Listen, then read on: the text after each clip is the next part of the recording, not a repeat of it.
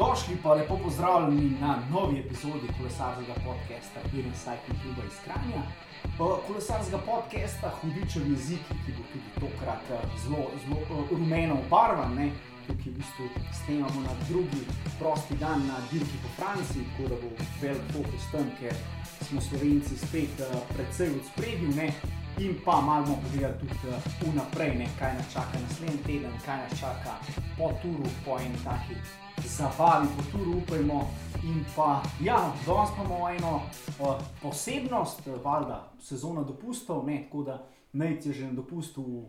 Kje si najto crvene vrhu? Savudrija, savudrija, tako je. Najc se nam javlja iz savudrije, tako da tudi to za nas je en test, tako da upamo, da bo zvok delal tako, kot treba.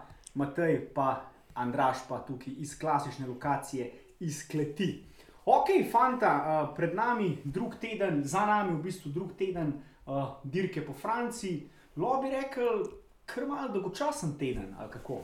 Ja, v bistvu jaz bi rekel, da je nekako bil tako pod radarjem, bi angliži rekli temu, da je ta teden zletel. Nekako nismo zares videli enega uničujočega napada na Pogačarja, še najbližje temu je bil Vingegard na Mont Ventuju, ampak tudi to se je v resnici končalo brez neke blazne drame.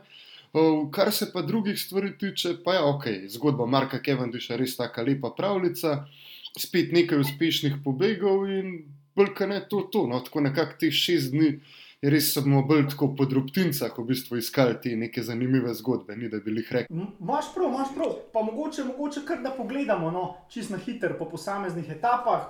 Uh, Kot smo rekli, ne, karavana je imela dan počitka v Alpah, ne, letos žal samo dve alpske etapi. Te alpske etape so nekako za nas slovence še posebej zanimive, ker takrat tur praviloma pride uh, najbližji Sloveniji.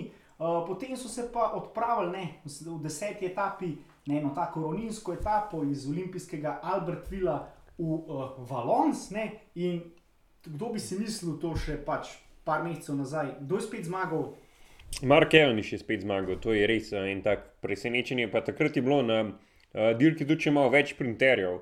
Um, takrat je zmagal pred uh, Vautom Van Ertom, pa Jasperjem Philipsen. Nancer Buhan je bil takrat še na dirk. Tako da vse je bila kar um, malo bolj solidna um, bira šprinterjev, ki se je poj v naslednjih etapah še malo skrčila. Ampak ja, um, Mark Cavendish mu predstavlja več, nekaj, kar res nismo mislili, da bomo gledali. Na turu, saj ja, ne tako dominanco. Ta sprint tukaj v Valonsu bi mogoče za njega še najmanj suveren. Vaut van Art mu je skoraj na ciljni črti, pa letu mem, ne bilo je zelo blizu, prejšnji sprint je kar zmagoval, kar relativno suvereno. Ampak kar sem jaz tukaj recimo tudi opazil, je še enkrat, to smo že tudi v prejšnji epizodi ponavljali, ta res nek popoln šprinterski vlak, uh, eh, dekveni quick step. Ne? Ker vračajo se nekako ti stari, klasični uh, šprinterski vlaki iz deset let nazaj, ker smo bili mogoče navajeni te nove generacije šprinterjev, recimo Kejle Bivan. Petr Sagan, sploh tudi Arno Demar, ne rabijo to klida avta, mogoče dva, tri, pa se že fanti nekako znajdejo. Ne? Mark pa res postal ta klasičen šprinterski vlak in gremo v, v, v šprint. Ja, jaz mislim, da če bi bil tukaj tako čista prav, tako kot bi mogel biti, kaj le bil en zdrav, ker on je tudi dejansko imel ekipo lota sprinterskim vlakom, ki ga zgradijo za ne. One dve sta v bistvu edine dve ekipe, ki se že od začetka res ne borita za skupni seštevki in da ta vse na sprint. Tako da mislim, da bi bilo Marko precej teže, če bi tle imel uh, vlak še lota, s katerim bi se konec koncev prerivali tudi za pozicije na cesti. Tako pa v bistvu smo videli, parkrat je Bike Exchange probal se zraven. Po domače povedano, štuli tu sprint, pa enkrat je še Bahrajn Viktorijus malo poskušal biti zraven, ampak ja, Mark ima tle res ne, dva razreda boljši vlak, on je pa očitno lik dovolj dober, jaz ne bi rekel, da je tako zelo suveren, da je dobo te štiri etapne zmage na letošnji dirki, ampak je pa ravno dovolj dober, da zna kronati to delo. Tako da ja, mislim, da je. Vse tudi Mark to povedal v izjavah, več kot pol, njegov, pol procentov teh njegovih zmag je njegove ekipe. Ja, v bistvu ravno dovolj dober, da se fajn iz veterja Morkova odpelje potem v cilj. Ne? Ja, ampak je pa strokovnjak za to. Se, smo videli, da je že tudi on v začetku svoje kariere večino zmag dosegel prav na ta način, da je pač mu res vlak postrojen.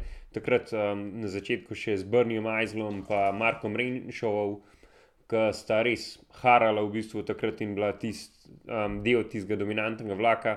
Um, tudi je seveda mu neke um, zmage, ko je on sam prišel v sprint, pa se znašel tudi um, hitrosti mu res ne gre učiti, ampak ja, um, se je pa res vrnil nazaj na ta pot stare slave, ko zmaguje s tem vlakom um, in kar lepo je videti. Spet Marka, ki je dober, in um, da vidimo te šprinterske vlake, kako delajo. Tako. Je pa še bolj ja. zanimivo, da ti šprinterski vlaki, lih zaradi tega, ker v bistvu ponovadi šprinterske vlake trenira, ne vem, cele priprave, trenira se jih pred dirkami, se uskladijo, kako bi morali iti. Kevin Diš je pa preletel de dekoniku v ekipo praktično dva dni pred turom. Ne? Tako da on je on z Morkovom prej ni treniral šprintov, ker tudi na teh dirkah. Ker je Kevin Diš bil, Morkova ni bilo, ker je bil z Benetom. Ne? Tako da v bistvu še toliko bolj uh, fascinantno, da sta se tako ujela. Mislim, da ste na dirki po Belgiji bila že skrb, se pravi. Takrat tudi vem, da je Kevin Diš zmagal eno etapo in tudi povedal, da uh, mu je Morkov praktično sam zmagal tam. Tako da uh, za Diokenik, po mojem, niti ni bilo toliko težava, sej um, vlak dela tako, kot da bi mu zadaj sama Beneta, uh, Mark Kevin Diš je pa vsem tok izkušen kolesar, da um, je dal tudi tok vlakov že skozi, da mu po mojem to spet ni prevelika težava in očitno mu res ni. No. Ja, lahko bi rekel na rutino, na rutino, kot smo včasih rekli. Ok, pa smo imeli uh, v sredo, ne, to je 11. etapo, težko pričakovano 11. etapo v Provansi, kjer so se v bistvu dvakrat pospeli na ta mitski Montventune. Tole smo dolgo čakali, ne, tukaj so se obetale tudi uh, orang razlike. Na, na Montventuju zna pihati, zna biti uroče, vemo, da tedaj pogačar ni jih ekspert za neke te ekstremne vročine. Uh, mi smo tudi, evo, kot Biren Cycling Club, smo organizirali en mini piknik in ogled tele etape, uh, ki je na koncu bila, kako bi rekel, srednje, srednje zanimiva. Zmagal je en pol sprinter, če se malo pošaljamo, Vod van Art, z enega res uh, močnega bega. Je pa tudi uh, tedaj prvič, bomo rekli, spustil. Noč, noč pretresljiv, ampak Vingegard ga je mehen distanciral za par metrov. Ja, v bistvu je bilo to, no, na koncu koncev, že takrat, ko smo gledali mi to skupaj, uh, se pravi, ven v nas, ki smo to gledali, ni, ni v nas kdo kaj pa ni čarov. Čeprav je Savingegard res odpeljal, ker sem jim odpeljal, se je z nekim fascinantnim pospeškom, glede na prejšnje predstave Pogačarja, konc koncev si je v vem, slabih dveh kilometrih nabral 40 sekund prednosti, ampak ja, na vso to prednost, ki jo tedaj ima, se tudi zaradi teh 40 sekund ni blazno sekiral, mogoče je bila to še veliko bolj pametna odločitev, da je šel pač v nekem svojem tempu do vrha, počakal še teh par kolesarjev, ki, je, ki so ga ujeli do konca, Rigoberta Urana in šparnih Richarda Karapaza. Ne? In so potem pač ja, na spustu do cilja v bistvu uspeli izničiti vse, kar se je Vingegard pripeljal. Je bil pa v bistvu to. Uh, smo mislili, mogoče neka napoved, da bo ta del v vročini tudi mal trpel, ampak kot se je izkazalo no, v naslednjih etapah, je bil to tudi edini mal slabši, sploh ne slab, ampak mal slabši moment na dirki do zdaj. Tako da, evo, če je bila to ta kriza, potem naj kar trajajo take krize. Potem ne traja, potem ne traja. Ja. Uh, je pa mogoče tukaj se začela tudi uh, ena nova, nova kriza za, za francoske navijače. Ne? Njihov pač up za generalno razvrstitev, tudi up Marka Madoja, ne? David Gudu je v bistvu odpadel že na prvem usponu na Mont Ventoux. Ne? In nekako smo spet gledali te, omreku, že kar državu prizore, ki v bistvu kapetan grupame Francouz de Jux odpade že zelo zgodaj, pa potem ekipni tovariši se trudijo minimalizirati razlike, ampak žal ne gre. Ne? Ja, tukaj um, francoski kolesarji nimajo res te sreče, niti očitno niso dovolj dobri, da bi lahko konkurirali za ta najvišja mesta. Tudi jaz sem pričakoval več od Davida Guduja pa vsem um, potem ta uspon ga je praktično odrezal, kot si rekel, že prvi uspon. Um, in ko na prvem usponu trpiš tok, uh, veš, da na drugem usponu ne bo nič lažje. In to se je tudi videl. Um, takrat je praktično v celoti izpadel iz te um, igre za visoka generalna mesta, tudi iz igre za deseterico. Um, in ja, tle se je zaključil.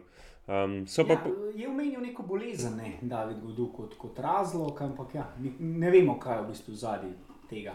Ampak so francozi definitivno pričakovali, da bo to nek njihov favorit za deseterico, pa je zdaj kar že delač od tega.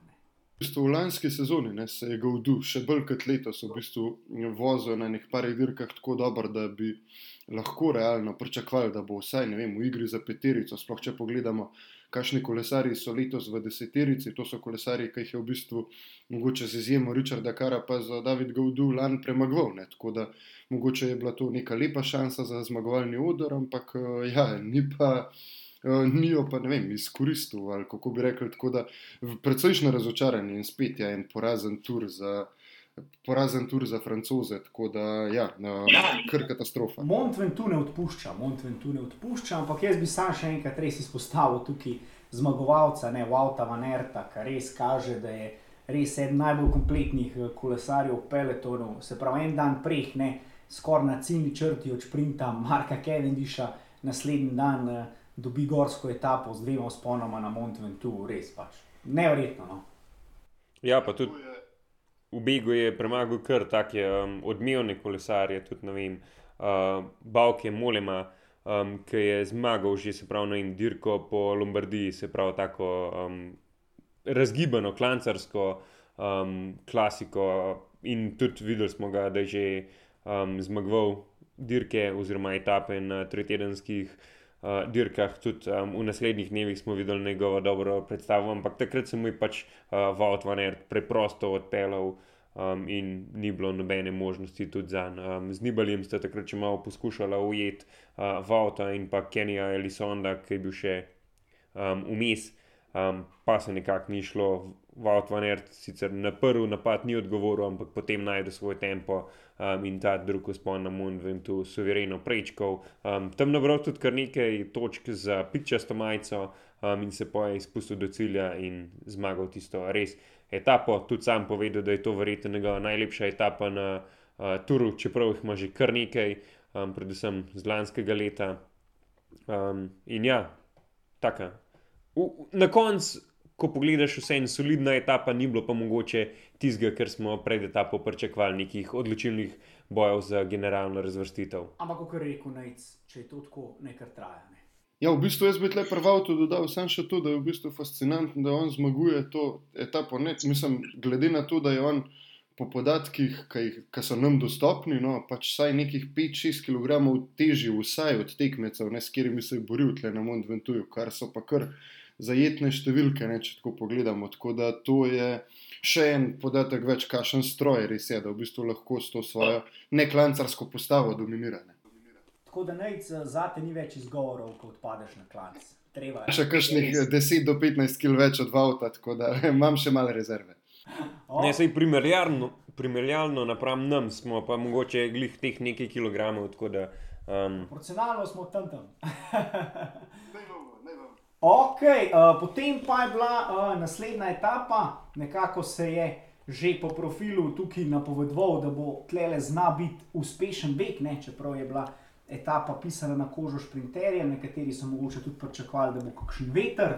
Ampak uh, mi smo slovenci tlele uh, razlog, da smo zelo pozorno gledali to etapo. Ne? V begu se je znašel tudi Luka Mezgec, ki je lani debil na uh, turu nakazal, da je res vrhunski kolesar, ne, dvakrat bil drugi na etapi, dvakrat ga je uh, odsprintal, v bistvu dvakrat ga je solo premagal isti kolesar, ne, Soren Krank Andersen. Jaz sem v bistvu prvi pogledal, če je Andersen v tem begu, ga ni bilo, sem rekel, dober, Luka ima šanse. Ne. Žal uh, je bil Luka v tem peti, ne, spet je odsprintal to večjo skupino. Uh, uh, večjo skupino izbega, ampak uh, pred njim so bili pa še štirje fantje, ki so pa majhen solo šli v zgodbo. Ja, v bistvu mislim, da je to ena spet, mislim, tako zamujena priložnost, oziroma priložnost, ki bi jo Luka lahko izkoristil, ker je bilo videti, da tudi na teh usponih, kjer se je v bistvu najprej odpeljala tista četverica, ki je bila v spredju, iz katere je potem še pač police odpeljal sam um, etapni zmagi naproti.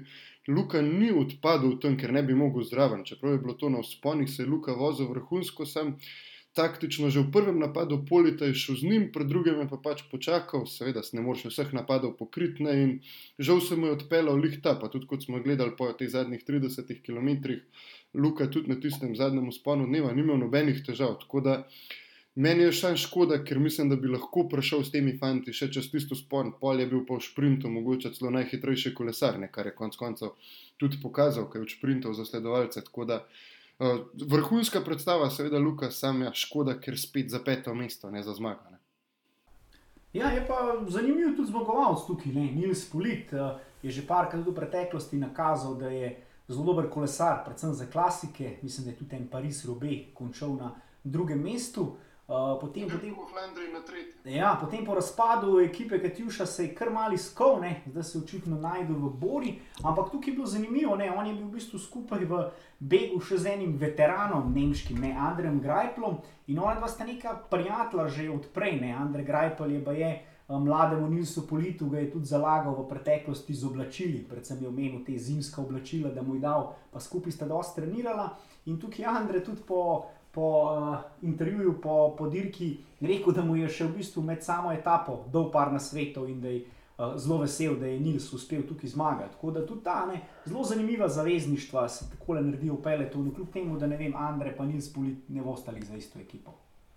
Um, sta pa lanče vozila oba v Izraelu, a ne? Lan sta vozila oba v Izraelu. Tudi Nils Polit je omenil v enem intervjuju, da je bil v bistvu Andrej Grajpel eden ključnih, ki ga je v bistvu prepričal, oziroma da bi vozil z Andrejem Grajplom, je bila ena ključnih točk, da se je odločil za podpis pogodbe z Izraelom. Lani, ja. Pa se je takrat je bila še ta zgodba, ko je v bistvu Katjuša malenkost um, razpadla, kar dosti kolesarjev je pošlo zaradi tega, ker so, mislim, da kupili celo njihovo licenco, um, avtomatično zaradi tega dobili nekaj kolesarjev in pač mislim, da je bil Nils tudi en izmed tistih, za katerega se je kar pričakval, da bo končal. Ampak sicer pa mislim, da je bil tam samo dve leti. Mislim, da samo lansko sezono, če se ne motim. Samo lani. No, kakorkoli. Um, tam se niti ni tako preveč izkazal, tudi mene je v bistvu presenetilo, da je to za Nilsa Polita um, šele prva zma etapna zmaga na tritedenskih dirkah. Jaz sem ga vse čas mu kot nekega kolesarja, ki je um, kar pač uspešen, da je tudi sigurno že kakšno etapno zmago vzel, ampak ne. Um, ja, te um, visoke vrstitve na Pariz-Rubeju in dirki po Flandriju sta bila njegova um, največja uspeha. Um, ta zmaga se ga je pa nekako izogibala do tega tedna. Ja, v bistvu je bila prva zmaga v Touru, to za njim sploh, tako da je res kar zanimivo.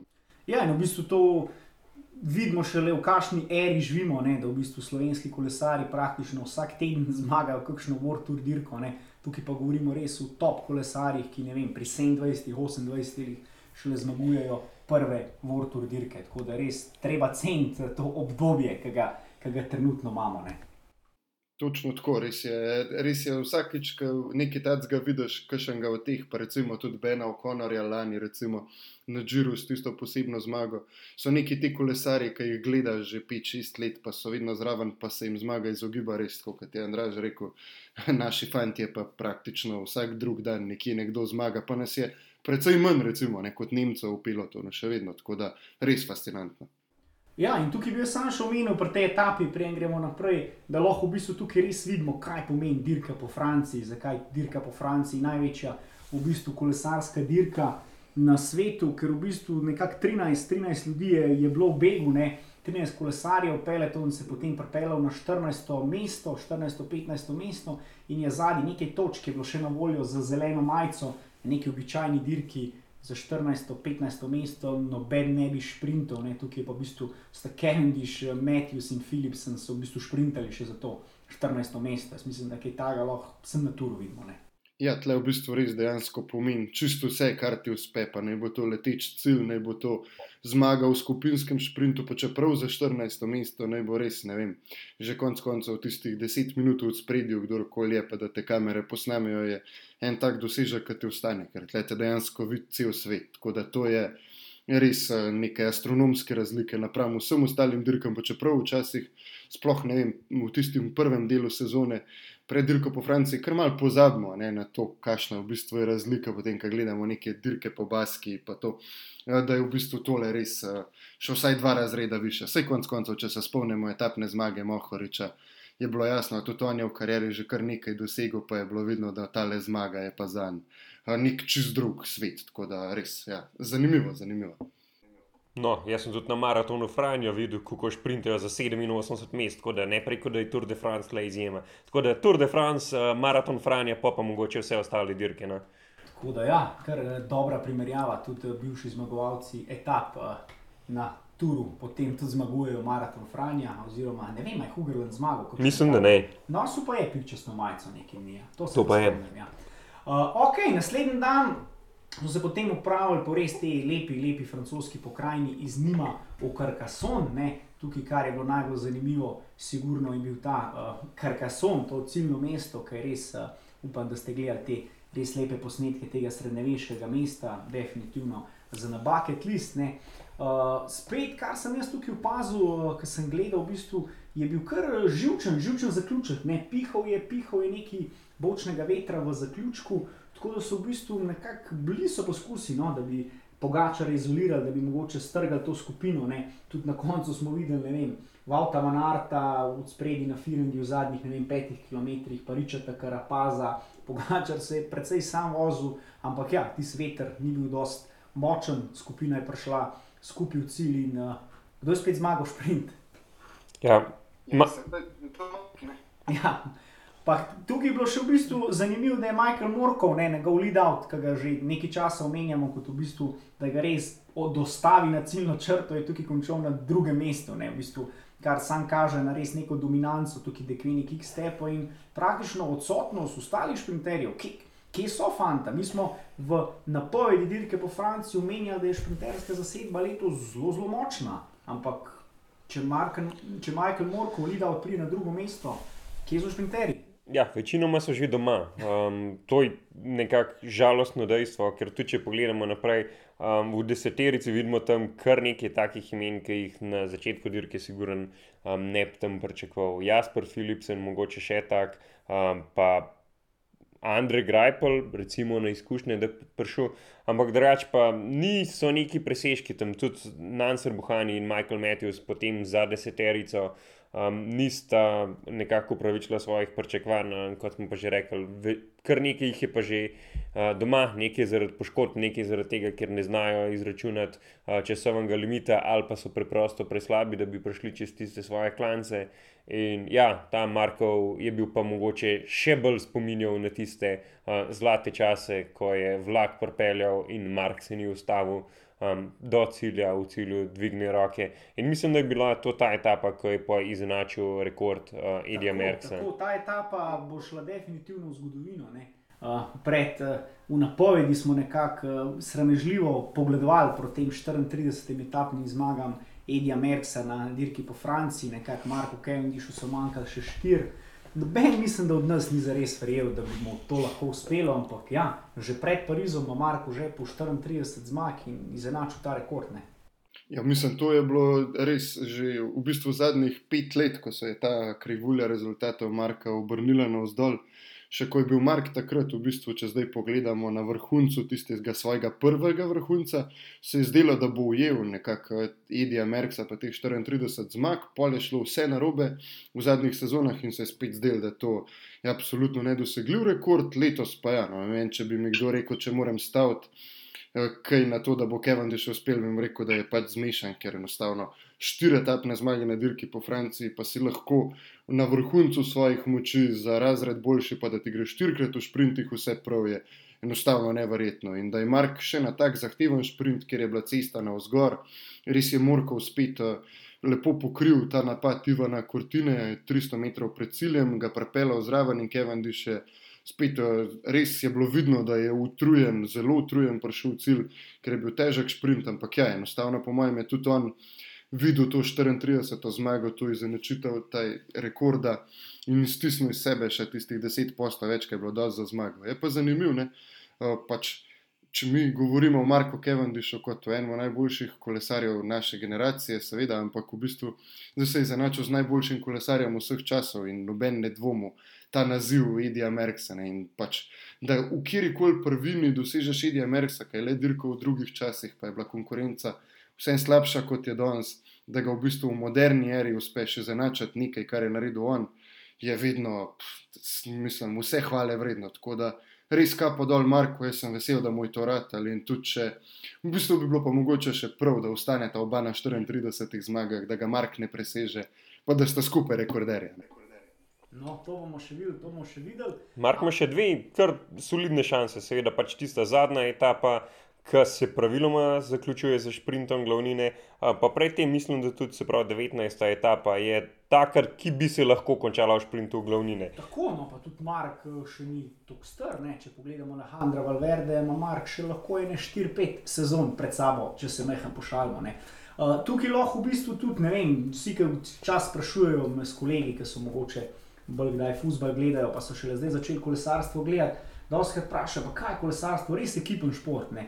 In če recimo tukaj pogledate zadnje, sem zadnje 4-5 km etape, se to res dobro vidi, ker so ekipe raztrešene po celi cesti, potem se pa kar naenkrat pojavi par kolesarjev, quick step, Marka pripelje v sprednje in, in do zmage. Ne? Če bi bil Mark, ne vem, v kakšni drugi ekipi, tako mogoče, kaj je bil lani, ki so mogoče malo zmedeni v teh zaključkih, bi verjetno težko naredil tak rezultat. Ne? Ja, mogoče tudi to težje razložiti tistim um, kolegom, ki spremljajo futbol in vidijo na dirkah, predvsem Tateja Pogačarja. Ker on se pa ne vozi tako, da ima okrog sebe neko čvrsto, suvereno ekipo.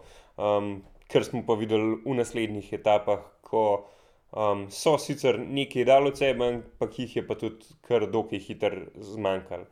Um, ja. In že ta petkova etapa, mislim, da je pokazala to. Ja, bom, tako, petek se je pač mehen v zaključku bil, tedaj sam, ampak jaz imam kar tak film, da mu mogoče tudi odgovarja, da on sam najde neko pozicijo v peletonu, pa, pa proba sam krmar tam uh, med, med uh, kolesarji. Ok, potem je prišel že vikend, ne, za vikend nekako uh, so prehranili nam nekako najbolj zanimive etape in ta 14. sobotna etapa je bila pa, pač res nekaj posebnega, no, že po samem profilu se je nekako dal sklepati, da bo šel tukaj le uh, beg uh, do konca, in po profilu, in po nekih razlikah med uh, najboljšimi, in uh, kaj je res klanje za beg. Uh, tudi mislim, da ima Temo Ohorič uh, po etapi rekel, da kaj tega pa še ni videl. Ne. Praktično 90 km je letel v filter, ne, kot uh, radi rečemo, preden so spustili uh, nek beg ven. Ne, in ko gre v bistvu za, za etapo, ki je dolga 180 km, da do polovice leti, preden gre beg ven, je pač res nekaj nevrjetnega. Tudi Matej Mohorič je večkrat poskušal, žal neuspešno. Ja, v bistvu je imel to 14. etapo počrtano in v bistvu je bila res, uh, tudi ko smo videli, kako se je razvijala, mislim, da bi uh, nekaj takega, kar je Bavke v Molemi uspel, lahko pač uspel tudi uh, Mateju Mohoriču, glede na njegovo formo. Ampak ja, po 90 km takega dirkanja. To je noro in to je bilo pač, ne vem, 10-15 sigurno poizkusov in različnih kombinacij, ki so se že odpeljale za 10-20 sekund, pa so jih nazaj ujeli. Ja, na vseh enostavno ne moreš biti zraven, žal to ni bil. Ampak to je spet ta čar eh, dirke po Franciji. Če si v begu, imaš vsaj šanso, da zmagaš etapo. Ne? In če te ni, te ni. Je, je niti nimaš, in zaradi tega nihče ne bo spustil, dokler res pač ni, lahko še kaj naredi glede tega, da ti beg gre in pol pride do take etape, da v bistvu 90 km tako leti, še preden se v bistvu sploh začne ta težek del etape. In jaz mislim, da kakšen sprinter je tlele hudo klev, zakaj se ti fanti v spredju uh, tako tepejo, ker so jih najbrž noge mogle peč dve ure zelo. Ja, in v bistvu tukaj. Če se ustavimo, ja, omenil si že uh, zmagovalca Bavke Molemo, ne tudi uh, Matej je omenil, bil obegel tudi v tej etapi na Montventune. Uh, zelo je tak uh, zanimiv kolesar, z, tudi to, kar si rekel, ne, to je en takih kolesarjev, ki je prisoten že zelo, zelo dolgo v peletonu, ampak nima prav velik zmag. Ne. Bavke se je zelo dolgo osredotočil na neke te uh, generalne razvrstitve, ne. tudi bil reden gost, uh, bomo rekli, deseteric na, na tri tedenskih dirkah, ampak uh, to, je bilo, to je bilo tudi to, ne. mislim, da je enkrat bil četrti, oziroma potem so diskvalificirali Koba, je bil potem tretji na dirki po Španiji, to že davnega leta 2011, ampak ja. Prva, prva etapna zmaga, eh, druga etapna zmaga, sicer za njega na dirki po Franciji, ampak za nekakšen njegov profil kolesarja. Uh, kaj mislite, bi se on lahko že prej osredotočil bolj na etape, a se je nekako bil predolgo v tem fajtu za generalno razvrstitev, kjer ne vem, mesta, šesto, sedmo, osmo mesto na turu na koncu ne šteje neki velik. Ne, ampak podijum na turu pa vseeno pač šteje toliko, ali pa podijum na kateri koli izmed tritedenskih dirk, pa vseeno vreden več kot ena etapa. Um, deveto, deseto mesto ali pa etapa je to, kar lahko definitivno debatiramo, kaj je več, ampak ko smo enkrat na stopničkah, je pa to zagotovo več. Um, pa tudi vem, njegova zmaga na Lombardiji, pa klasiko San Sebastian je dobil. A, to so vse kar dosta odmevne dirke, ki so mu tudi um, že kar nekaj lepih pogodb kupile v Treku, zdaj že uh, kar nekaj let uveljavljen, uh, tudi en izmed njihovih glavnih favoritov. Um, in ja, večkrat ga vidimo v teh begih, um, predvsem na nekih teh razgibanih etapah, um, oziroma težkih etapah. Pa se kar doskrat izkaže, doskrat mu seveda poje tudi zmanjka, ampak se to je, kot smo rekli, loterija pri vseh begih. Um, večkrat, ko probaš, večkrat se ti ne bo išlo. Um, ja, meni je drugače simpatičen kolesar, tudi z veseljem navijam za en. Um, Matej, ti si ga že v Nadžiru, mislim, da imel v, v navidezni dirki oziroma v fantaziju. Ja, re, ja, ja, ja. Da Pač, Mislim, da bi Matej bil kandidat za Bavke Molema, Slovenijan, fan klub. Ne. Ne, je pa še tako, z- je pa še tako z Bavke. Ne, v bistvu je, sploh če pogledamo letošnji tur, ne, ti se nekako, eh, sploh če si približno tako dober kot on, kaj je, če bi bilo pač vse prav, je verjetno v najboljšem primeru kandidat tam nek za osmo mesto, konc koncev je tam okolj končal. eh, Tudi večino tritedenskih dirk, ampak ti še vedno moraš v tej dirki ustrajati, ker če pa pogledaš, če pa se ti pa vsake toliko rajma en kaotičen tur kot je letos, ne, ko bo v bistvu če pogledamo, lahko na stopničkah končal, vsaj za enkrat, ko kaže, ne vem, Rigoberto Uran, pa v bistvu ga do ne vem, tedna pred turom sploh niti niso mislili dirkati na skupno razvrstitev z njima. Ne, pa še, ko še en tak kolesar se ti pa dejansko pol prinud, ponud priložnost, da mal nepričakovano ali pa skozi zadnja vrata. Prideš do tega odra za na dirki po Franciji, kar je pa v bistvu neka krona karijere. Konec koncev spomnimo se takrat, ko je bil Romain Bardet drugi, je bil tretji Jean-Christophe Perot, ki tudi nikar noben ni uvrščal v tisto prvo vrsto favoritov za skupni seštevek. Pa če rata, rata, tako da ja, če bi mu, ne vem, če verjetno, če bi Bavke kdorkoli rekel pred turom, boš bil raj sedmi generalno ali pa zmagal eno etapo, bi seveda zbral etapo, sam zmagati etapo je zelo težko, sploh če si en tak kolesar kot Bavke Molima ali pa konc koncev kot Matej Mohorič, ki si vsem zelo dober, pa nikjer zares vrhunski, ne, in je pol treba z nekimi napadi iskati svojo priložnost, tako kot oba ti dva omenjena fanta delata, ne. Bavke ima še eno dost um, zanimivo anegdoto. On um, ni glih največji ljubitelj srama. Um, videli smo tudi um, kar nekaj nazaj let, um, ko je Trek v bistvu takrat prešaltov na se pravi ta sistem, prestal, da so mu ti kar ene parkrat um, zatajile. In tudi enkrat se je na prenosu zelo lepo slišal, kako je uh, se zadrl, fucking sram. Um, in tudi sram je mu zdaj v bistvu uh, vrnil uslugo nekako in je ob njegovih zmagal lepo na Twitter zapisal fucking yes um, in uh, tega mu le imajo. Tako da uh, imajo nek ta um, zabaven odnos, ki tudi um, seveda malo še doda vsem tem zgodbam. Um, tako da ja, tudi um, zabavne zgodbe iz ozadja z opremljevalci profesionalnih ekip. Ja, je pa mogoče tukaj uh, za izpostaviti še eno zanimivo zgodbo. Ne? Naj ti si omenjal, ne, v bistvu kaotičen tur. Ne. Tukaj je v bistvu Julian Martin v tej etapi, uh, ko je bil v Begu, ne, se je v bistvu pospel na drugo mesto. Ne. Tukaj je v bistvu kar naenkrat Rantov najbližji zasledoval Sebeja Pogačarja, prišel mu je sicer še zmeraj relativno lagodne uh, 4 minute, ampak kar naenkrat so francozi imeli spet enega svojega v, v špilu za najvišja mesta. Ja, v bistvu je bilo res, a je izkoristil nekako to priložnost, se uh, grdo rečeno prešvercal v ta bek in pol tudi pač prišel v cilj tisto minuto pa pol za bajke, Bavke in Molemajo, ampak proti uh, prot Pogačarju pridobil skoraj 5 minut, da, oziroma celo mogoče dobrih 5 minut. Um, in ja, je bil kar naenkrat drugi in tako tudi z lepo prednostjo pred uh, Rigobertom Uranom in Jonasom Vingegaardom, ki sta mu bila najbližje zasledovalca. Ampak, kot smo videli, pol dan kasneje je bilo francosko veselje spet zelo kratkega roka trajanja. Ne. Ja, kot smo videli dan kasneje, uh, Julian Martin nima problemov samo s kronometrom, ampak uh, tudi spusti. Ne. Uh, ok, o tem več mogoče malo kasneje, ne, ja, omenil si to uh, zelo, meni je bila zelo simpatična uh, nedeljska etapa, ne. res mi je bilo neverjetno videti, da v bistvu v Andori na 2400 metrov nadmorske višine praktično obstajajo avtoceste. Ne. Jaz sem kar gledal, ko so se gor uspenjali fanti na 2000 metrov, pa 20 metrov široka cesta. Ne. In uh, tudi tukaj ne, je bil na začetku kar, kar, uh, kar boj za beg, ne, nekako je, glede na te razlike, ki so med uh, fanti za generalno razvrstitev, te fanti, ki mogoče računajo na etape, računajo, da bi šli do konca. Ne. In tukaj je šel zelo, zelo močen beg ven, praktično ekipe so imele tudi po 3-4 kolesarje tukaj v tem begu.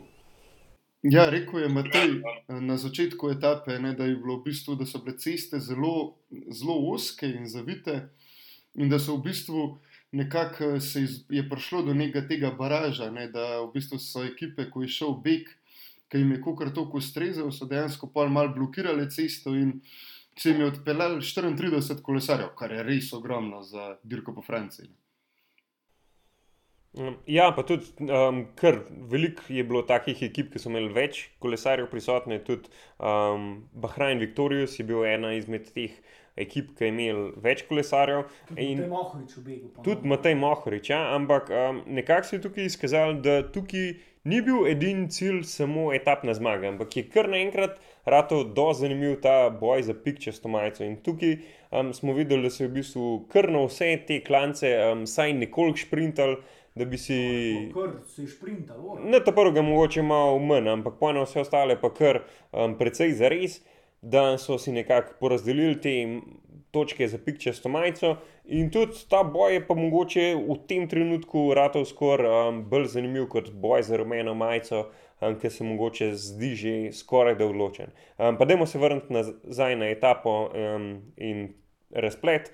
Uh, zmagal je Sepkus, um, se pravi, so tekmovalec uh, Primoža Rogliča, ki sigurno ne bi dobil te priložnosti, če bi bil Primož še na dirki. Tako smo pa videli, da je imel uh, Jumbo v begu kar tri kolesarje. Um, v bistvu več kolesarjev je v begu kot v peletonu, ne? kar je v bistvu za eno ekipo, ki ima kolesarja praktično v boju za odr, za zmagovalce, kar zanimivo. Ja, tudi skoraj malenkost nespoštljivo, lahko rekel, do uh, Jonasa. Daleč, jaz, če bi bil Jonas Vingegard, bi bil s to taktiko, milo rečeno, jezen. Je pa res, da nimajo verjetno Jonas Vingegard tega statusa v ekipi, da bi lahko bil jezen.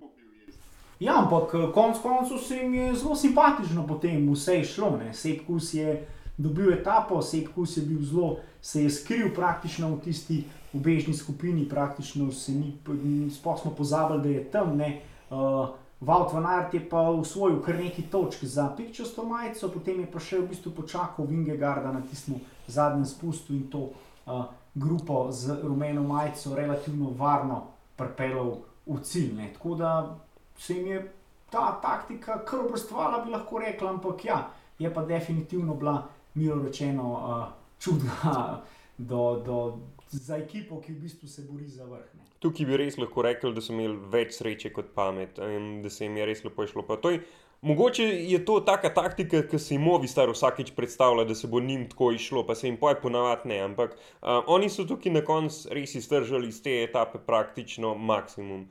Etapna zmaga, precej točk um, za um, pikčasto majico in pa še pač um, dovolj varno um, so ohranili, se pravi, visoko pozicijo v generalni razvrstitvi.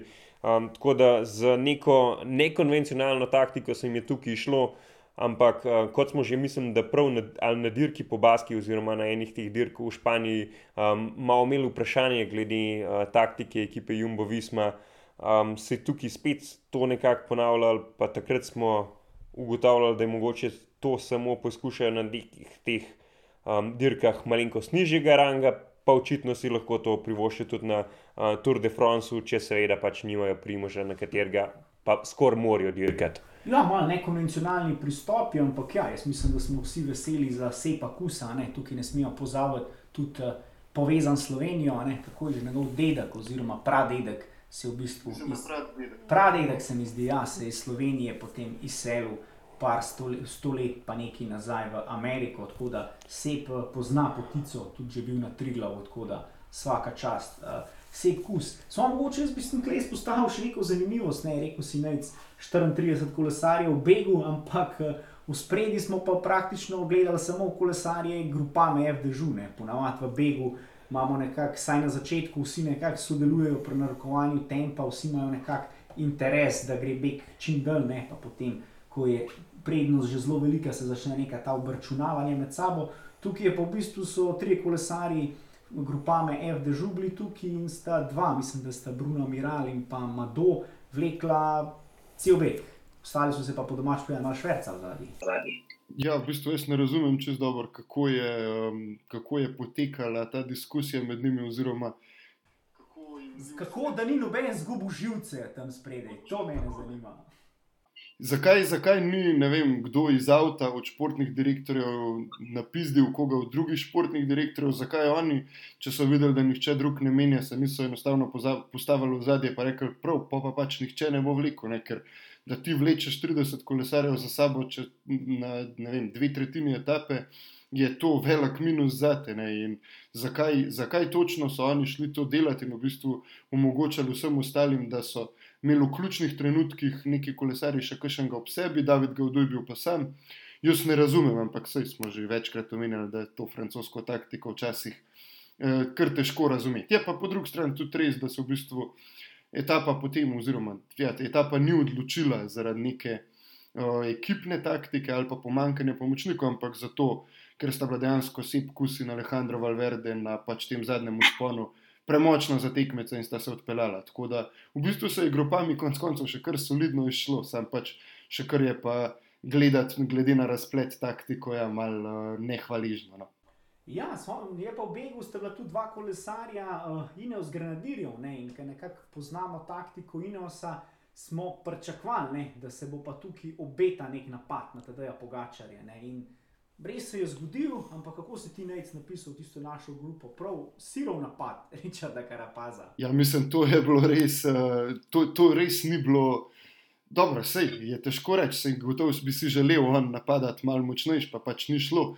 Tako da um, je pa resno, pospešil je tako, da je pogačar niti vstal, ni sedeža, niti, niti ni blazno stiskal zob, pač to je pokril ta napad Karapaza brez večjih težav. Poji napadi Jonasa Vingegarda so bili, saj meni na oko, bolj nevarni no, kot Karapazovi. Ja, ampak je v bistvu tukaj res, da je deloval zelo, zelo sovereno, ne, tudi vročina uh, ga, ni, ga ni niti malo motila. Uh, pri teh napadih bi imel mogoče še enega kolesarja, ne iz tvojega tihega favorita. Beno Konar je bil tukaj zelo aktiven, je skakal, pa odpadel, pa skakal, pa odpadel, tudi zanimiva taktika. Ja, to, jaz sem se ga tako, jaz se spomnim takrat, ko se je tedaj valjavc boril za deseterico na dirki po Franciji. Se je pozabil že s kom, sta se točno tako na Alp do Ezo delala. Valjavc je konstantno gonil v svojem tempu, njegov tekmec mu je pa skakal, valjavc ga je ujel, prehitil, on mu je spet skočil in tako sta šla do vrha Alp do Eza in tako se je pač tudi meni, Ben O'Connor, razdel. On je neke tiste svoje vate obračal in pač, če so ostali fanti pred njim, mi smo malo počakali, on pa leto mem. Potem so oni pospešili, pa je spet odpadel nekako tako na jojo, tu so ga imeli. Da, ampak borbena predstava o Konorju in meni je bilo to lepo spet spremljati. Ne, ne, sigurno, sigurno borbena predstava in Ben O'Connor se drži, kar solidno v uh, deseterici. Ne. Je pa tukaj, kot smo že omenili, ne, spet francozi so imeli en dan drugega kolesarja na dirki po Franciji potem so pa prav na en tak zelo, bomo rekli, amaterski način, uh, je Žužen Martin zapravil to drugo mesto. Ne? V bistvu Fant ni zapel dresa uh, pred gorskim ciljem, tako da je v bistvu potem na spustu. Pri vem, tisti, po tisti široki cesti je verjetno letelo blizu 100 km/h, pa se je z tistim frfutajočem dresu vozil dol in je hitro tudi spustil grupo. Ne. Ja, to je bilo kar spet malo bizarno za videti. Mislim, to so take začetniške napake, ki jih nekako pričakuješ, da, kolesa, da si jih kolesari ne bojo prvošili. Jaz razumem pa, če da pred 90 na uro ti ne boš spustil balance, pa, um, pa pač šel zapenjati dresa, ampak ja, to je treba poskrbeti za to na vrhu uspona. Ni važno, če ja, veš, kakšen spusti je, a je vroče, a ne. Veš, da na spustu ne smeš biti z odpetim dresom in tok priseben bi želel vrten, sploh glede na to, da je prišel na vrh invalide z grupo, z grupo pač teh favoritov za rumeno majico. Je v bistvu on, ta najtežji del etape že skoraj upravil in upravil ga iz odliko, glede na sobotne napore, potem pa je v bistvu na spustu zapravil še vse, za kar si res trdo garal. To je bilo, to je resno, slabo za videti. No. Ne, ne bi pričakoval tega od nekoga, ki je bil pred etapo drugi na turu. Glede na to, da v bistvu, uh, so se spuščali z 2400 metrov nadmorske višine, ga je verjetno tudi pošteno prezeblo na dol. Ja, najbrž res ni bilo prav prijetno, prsto na uro te prezebe, pa tudi če odzuni 40 stopinj. Ja, in tako da je Martin v bistvu potem spet uh, iz drugega mesta padel na skupno deveto mesto, se pravi mesto, ki ga je zasedel že pred uh, tisto petkovo etapo, se pravi vse, kar je v bistvu pridobil s tistim begom uh, v soboto, je pač zgubil na dol v nedeljo. Ja, da imamo omeniti samo še tukaj Naira Quintano, ker je pač eh, dobil ta souvenir eh, Henrija Desgranja. Prvi je bil na tem usponu Port de Invalira, ki je bil najvišja točka letošnje dirke po Franciji. Tako da Quintana je seveda še povsem v boju za pikčasto majico, ampak tudi če pač ta boj izgubi, bo pa vsaj ja, domov odnesel ta souvenir. Tako da čist. Ja, smo pa, so pa to definitivno nadmorske višine, kjer a, pričakujemo ne, Kolumbice. Uh, tako da, ok, se pravi, prišli so potem kolesari uh, v Andoro, uh, v Andori je tudi smo dočakali nov dan odmora. Mogoče zanimivost, ne, da Andora je tako kot Monako, zelo en tak raj za kolesarje, kljub temu, da je to res ena taka žepna državica, kneževina. Mislim, da več kot 30 uh, kolesarjev iz tega peletona ima tam prijavljeno stalno bivališče, med drugim mislim, da tudi Julian Ala Filip, mislim tudi David Godu in podobno. Tako da so v bistvu dan počitka opravili doma, kar zna biti tudi kar zanimivo. Ja, v bistvu Andora je davčna oaza, ali tako kot Monako, ne? pa zraven ima še. Jaz ne bi uporabil izraza davčna oaza, ne, jaz bi uporabil država s prijazno davčno politiko. Uh, to mogoče bi tudi. Uh, To je malo bolj politično korekten izraz, pomeni pa povsem. Tako da, ok, uh, zdaj pa prišli smo do dneva odmora in pa do naše pauze. Ok, dan odmora v Andori, ne, tako da čas, da majhen pogledamo tudi uh, nazaj, pogledamo deseterico, ne, tedaj pogačar res trdno, trdno v rumenem, ne, več kot pet minut prednosti pred najbližjim sledovalcem, ena največjih prednosti tudi v zadnjih 20 letih, pred, na drugi dan odmora, ne, tako da dolgo je še do Pariza, ampak zgleda, zgleda zelo dobro. Uh, kaj pa ostali fanti v deseterici? Uh, je kdo pač presenetil, dobro, mogoče pogrešamo kakšno ime, ki ga ni več na dirki, ampak uh, bi kjer ga posebej izpostavila kot ta fant, pa je presenetil tokrat. Ja, meni bi presenetil Ben O'Connor, če ga ne bi najči prej omenil kot nekoga, na katerega bi bilo uh, visoko zaračunati, ker sej smo vedeli, da se zna pelati na klanc, ampak da se zna pa tako dober, pa saj jaz nisem mislil. Um, drug, ki me pa v deseterici vsaj malenkost preseneča, je pa Aleksej Lucenko. Um, tudi od njega smo seveda vedeli, da um, zna se voziti tudi zmagoval že enotedenske dirke. Um, ampak jaz sem vse njega mu bolj kot nekega kolesarja za Amstel Gold ali pa Liež, Baston Liež, um, nekoga, ki se zna dobro voziti po klasikah, pa mogoče kdaj pride čez kakšen klanc, ampak da bo pa zdaj prevozil vse te, dobro, vse jih alpskih etap ni bilo toliko veliko um, pa vse en, vsaj nekaj teh Pirinejev, pa jaz nisem pričakoval, da bo tako visok. Um, je pa res, da pojkrat pogledaš to deseterico, da mogoče pa vse en imena niso tako zveniča, kot so že kdaj bila. No?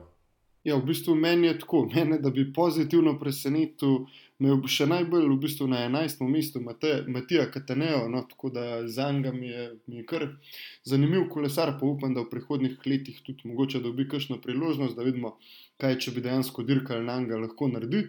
Ampak ja, kar me je pa negativno, me je pa mal presenetil mogoče Enrik Mas, ker sem dejansko v tej konkurenci, ki smo jo omenjali, pač malo razrečeni.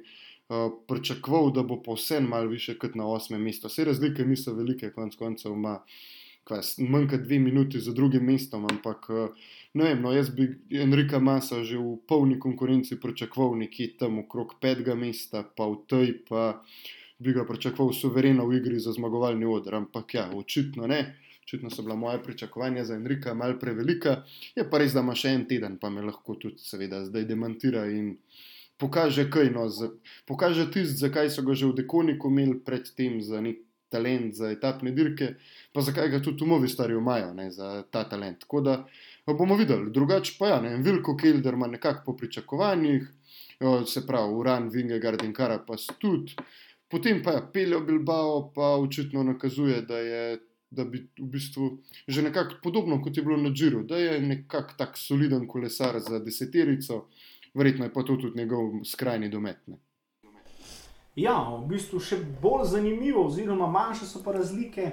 Uh, v bistvu najmanjše razlike, pravzaprav najbolj odprt boj pa boj za to prestižno uh, pikčasto majico, ne? se pravi majico najboljšega hribolasca, uh, ki jo je lani, bomo rekli, kar mal mimo grede, ne usvojil tedaj pogačar in se spet mogoče spoh ne zavedamo, kak uspeh je v bistvu, da samo to majico usvojiš, ne tri, naenkrat, kot tedaj. Lani, ne, ta majica se ponavadi usvaja uh, z nekih dolgih begov, ne, francoz Richard Viron, ki je bil bog te majice, ne, mislim, da petkrat zapored. Letos pa tukaj zelo dobro kaže, v mojemu outside betu, ne, v Avtopolsu, ki ima v bistvu uh, nekaj točk, oziroma 8 točk prednosti pred Matej, tvojemu outside betu, Michaelom Woodsom. Ja, jaz sem sicer Michaela pričakoval bolj v neki borbi za generalno razvrstitev, ampak je pojkuj na začetku nabral tisti zaostanek in se poj očitno spremenil svoj fokus. Um, tudi oba dva sta bila večkrat v igri za um, etapno zmago um, in se dobro borila. Um, pa imamo pa tukaj še dva kolesarja, tudi, ki sta zelo, zelo blizu. Torej, um, v Outpools uh, 74 točk, uh, Michael uh, Woods 66, pa potem na 64 točkah uh, Nairo Quintana in Wout van Ert. Um, saj Vauta tukaj jaz nisem pričakoval, jaz sem bolj nekaj pričakoval, um, kot je tudi Nejdž rekel, v boju za zeleno majico, ki mislim, da je bila za njim tudi um, teoretično lahko dosegljiva. Uh, pred štartom dirke, seveda, zdaj pa kar naenkrat resen kandidat za usvojitev pikčaste majice. In, uh, verjetno bi bil pa lahko en tak redkih kolesarjev, ki bi v karieri lahko osvojil in zeleno in pikčasto majico, teh pa verjetno saj na turu ni bilo prav veliko. Ja, verjetno, kakšen Eddie Merckx. Uh, tako da, ok, umenil si zeleno majico, uh, tukaj pa spet presenečen, če tako pogledamo, kljub temu, da je zeleno majico enkrat že odnesel domov. Ne? Mark Cavendish v zelo solidnem vodstvu pred Matthewsom in Philipsonom. Ja, jaz mislim, da so tukaj za Marka edina ovira, ki se ga lahko ustavi, samo še časovne zapore, no, ker enostavno smo videli Michael Matthews v sprintih glavnine, kot smo omenili, še dva, recimo, da bosta, eden, sigurno, eden je mal pod vprašanjem. Enostavno ni dovolj dober, da bi nabral večje število točk, in če se potem ti v sprintih uvrščaš na neko sedmo, osmo, deveto mesto, je to premalo. Jaz mislim, no, da bo tole Mark malo žepo, zdaj sam še treba dobro računati čas za časovne zapore, biti malo iznajdljiv, mogoče iti na začetku etape tudi v kakšen beg, klik samo zaradi tega, da je potem ima lažje časovno zaporo ujet, ne, če imaš že začneš uspone z nekimi desetimi minutami fure, tako da, evo, le bomo videli, ampak ja, jaz ne verjamem, da se lahko še kaj spremeni na vrhu. Res, Mark v zelenem v Parizu, ne? kakšna zgodba bila to. Jaz mislim, definitivno, da bi Netflix oziroma kakšen podoben zna posnet, kakšen zelo zanimiv film ali pa serijo o tem. Ne? Pa, kar smo že pri Netflixu, pa teh zadevah, uh, ekipna razvrstitev, fanti, kje je Movistar, na osmem mestu šele, kaj, kaj se tukaj dogaja. Ja, v bistvu Movistar ima eno tako katastrofalno dirko, v bistvu je samo Alejandro Valverde v tej nedeljski etapi bil blizu uspeha, drugače so pa nekako delujejo razglašeni. No, ni, no, ni, okay, Movi ste delili razglašeni, da si uporabil dober izraz. um, uh, ne vem, no, v glavnem mene v bistvu Bahrajn se z EF Educationom v resnici. Uh, samo še bori za to, no, ja, recimo, no, da že dozer še malo igre, ampak najbrž ne. Uh, In tudi zaradi tega pa mislim, da bomo videli mi še v naslednjih etapah, tudi kakšen dan v begu še Mateja Mohoriča, ne to, ker bi on verjel, da lahko uh, pač zmaga etapo, ampak ker bojo lovili te uh, najboljše tri uvrstitve. Um, uvrstitve treh kolesarjev v etapi za ta čas, za ekipno razvrstitev, ki so pa povedali, ne, da si jo želijo. Tako da um, mislim, ja, da še nismo videli Mateja, ki lahko pač tudi omenimo, da ima samo na dan premora naredili novo kolo, to lahko te kaj več pove o tem, ker je naš fashion strokovnjak. Uh, ampak ja, ekipna razvrstitev, če bo šlo tako naprej, je Bahrajn na dobri poti, je pa res, da 11 minut se pa v tej razvrstitvi zelo, zelo hitro nadoknadne. Ja, ja, pa v bistvu tudi uh, Matej je, mislim, bil že ne petkrat v Begi, jih ogromno poskuša. Če poskuša zelo še enkrat, dvakrat se znajti v Begu, jaz mislim, da bi bil on zelo resen kandidat potem tudi za to super kombatitiv award, ne, kaj pa tudi na dirki po Franciji. Uh, predvsej prestižna zgodba, ne, lani v svoju Mark Hirši in s tem bi videli še enega slovenca oziroma dodatnega slovenca na podiumu v Parizu, kar bi definitivno bilo odlično. Ne. Ja, ampak tukaj. Um... Matej Mohorič in pa Juliana Le Philippe sta bila tiste zaenkrat, ki sta največkrat sodelovala v Begu. In mislim, da glede na to, kako poznamo francosko organizacijo in francosko um, dirko, Vkolikor bi se dirka trenutno končala, mislim, da vemo, kdo bi dobil ta super kombativ in to ne bi bil Matej Mahorič. Um, tako da, ja, upajmo, da ga še vidimo kdaj v begu, upajmo, da mogoče mu še kdaj um, uspe kakšno etapo dobiti. Jaz sicer malenkost dvomim, glede na to, da bo Bahrajn tudi um, še vsemu precej v mislih tudi to pikčasto majico, o kateri smo že govorili, um, in bo mogoče kdaj mogel Matej se malo um, podrediti v begu, če se bo znašel z. Um, kakšnemu izmed svojih sotekmovalcev, ali pa saj pač uh, pobirati te točke, da jih ne dobijo ostali kolesarji. Um, bo pa sigurno zanimiv in tudi um, verjamem, da bomo še videli, da bo zelo aktiven um, vse do zadnjih dveh dneh, ko pa mislim, da bosta za njim um, precej bolj umirjena. Ok, pa preden se osredotočimo še na ta zadnji, precej hribovit teden, mogoče samo da ne začaramo, obstaja tudi bela majica, ja, ampak tukaj je neki, ni neke resne konkurence, no, v resni konkurenci praktično samo še tedaj Pogačar in pa Jonas Vingegard, ne, tudi Jonas Vingegard nosi to belo majico, čeprav je po času najboljši tedaj Pogačar, ampak so nekako pravila taka, da potem, če je ta rumena majica, je po hierarhiji najvišje in potem jo nosi kolesar. Ki je potem drugi, to belo, se pravi, Jonas Vingegard, kar pa ne pomeni, če zdaj Pogačar tako le pride v Pariz, pa tudi v Parizu tedaj na odru obleko tudi belo majico.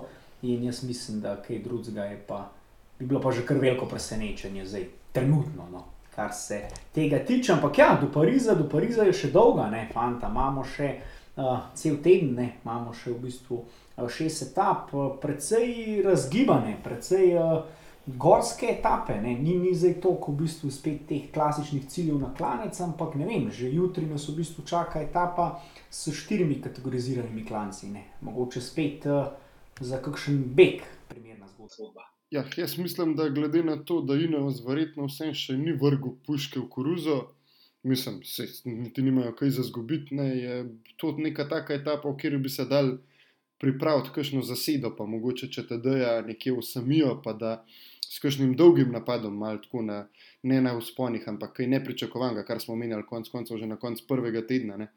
Da tam probajo oni eh, spremeniti potek te dirke, definitivno bo pa potem sredina etapa, bo pa zelo, zelo zahtevna, ker to pa kolesare čakajo najprej vzpon na Peresrud. Resur je v bistvu tu spon, ki je tedaj Pogačar lan prvič na dirki po Franciji pokazal, da je pa zelo, zelo resen kandidat za najviše mesta. Ne. To je v bistvu ta Kolde Peresur je bil uh, lani na sporedu en dan po tisti vetroni etapi, kjer je tedaj izgubil več kot minuto in na ta Peresur se je odpeljal in mislim, da postavil rekord uh, prelaza. Tako je, ja, v bistvu in potem spust še eno spon prve kategorije, potem pa cilj na Koldu Porteju ki je pa v bistvu, če pogledamo, dobrih 16 km, več kot 8,5% poprečen naklon.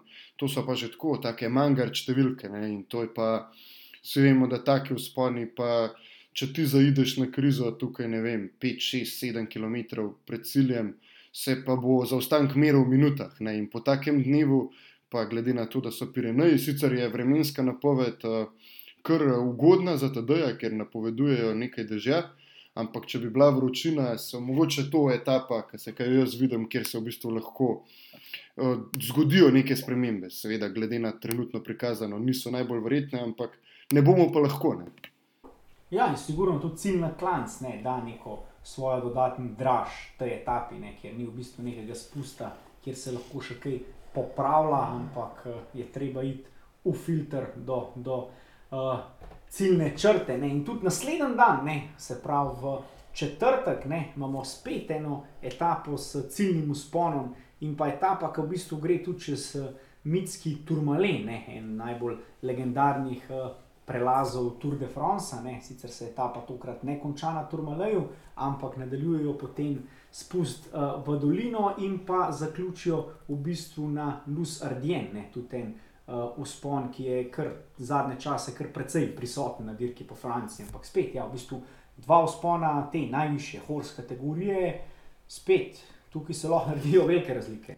Ja, že pač um, to bo tretji zaporedni težek dan. Vemo tudi, da Um, smo v tretjem tednu dirke in po, se pravi, res da se mogoče noge začnejo spet malenkost drugače obračati, enim na boljš, drugim na slabš, ampak vsekakor tretji um, dan težkih ribov in tukaj res so težki ribi, um, bojo noge pekle. In videli smo tudi v preteklosti, da lahko kašni kolesari, ki čez celo dirko izgledajo zelo suvereni, praktično na enem usponu izgubijo celotno dirko in kasirajo tam po um, 5-10 minut, spomnimo se takrat nesrečnega Simona Jajca na tistem Džiru, mislim, da je bilo 2016 oziroma ali pa še celo prej. Um, ja, ja, ko zmagal potem Kris Frum. Ja. 2018 je bilo se res um, to. Um, tako da ja, te, te stvari se lahko zelo hitro obrnejo. Tako da dirka ni zmagana, dokler ne prideš do um, Pariza, oziroma do cilja. No. Pa sej v Parizu je ponavadi jasen um, konkretno pridejo tisti nezdravljeni šampanjci in tista zadnja etapa. Um, Vsem tudi mislim, da fair play, vsem je toliko prisoten, da kolikor bi prišlo do kakšnih defektov ali pa kakšnih pacov, ki bi vseeno omogočali um, potencijalnemu zmagovalcu, da pride do cilja, bi prevladal. Uh, ampak do Pariza je pa vsem treba priti in do Pariza je še dolga. Ja, do Pariza je še dolga, tudi, uh, ampak mislim, da po tej četrtkovi etapi bo že uh, marsikaj, marsikaj jasnega. Ne? Čaka nas potem ena tak šprinterski petek, kot je Najc omenil že prej, uh, ena zelo ravninska etapa, kjer bo mogoče Mark Cavendish dobil priložnost, da premaga celo uh, velikega Edija Merksa po številu etapnih zmag uh, v, na letošnjem uh, turu. Ne? Dve priložnosti bo imel še v nedeljo, potem na te paradi šampionov. In glede na to, da je šprinterska konkurenca zelo, zelo razrečena, mu kaj lahko uspe.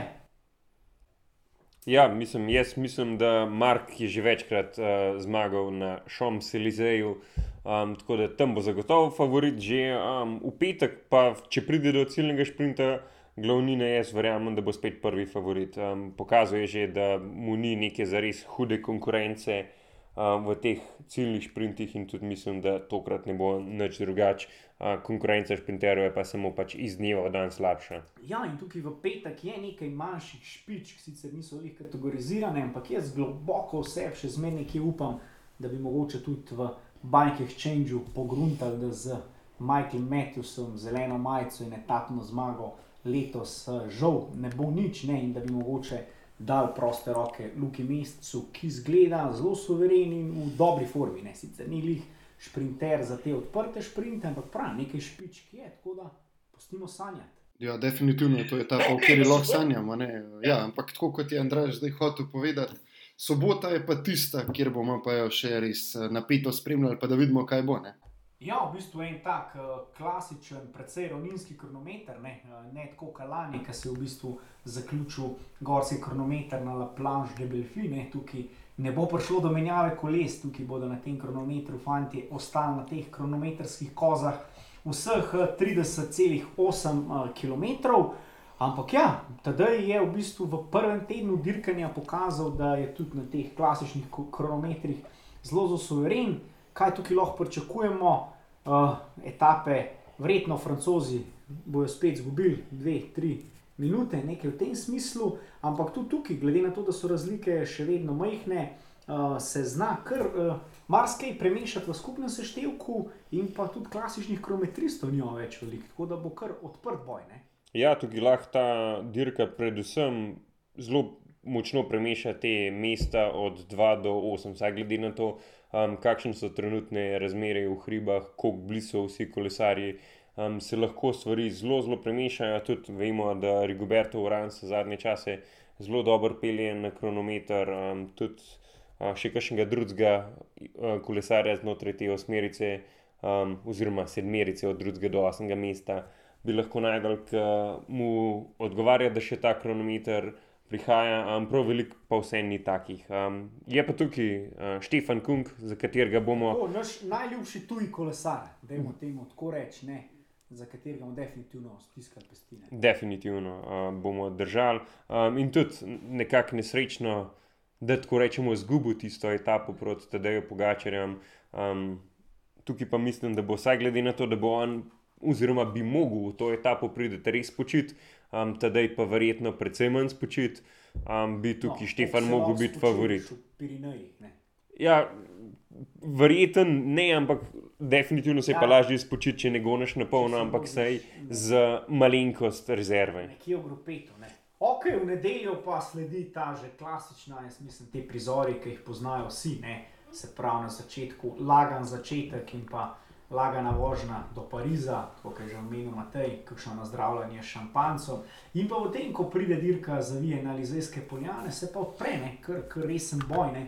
Ponavadi gre ven tudi še beg, kolesari se hočejo še zadnjič eh, malo pokazati. Ne. Tudi se spomnim Kristjan Koren, je že bil v begu na Lizejskih poljanah. Ne. To pomeni, da neki moči ti je takrat še ostalo, če lahko bežiš, ampak ponavadi tukaj pride do enega ekipnega šprinta, mislim, eh, skupinskega šprinta. Ne. Mislim, da že več kot 20 let ni šel uh, beg tukaj do konca. Ne. In tukaj vsi upamo na Slovenijo v rumenem ali kako.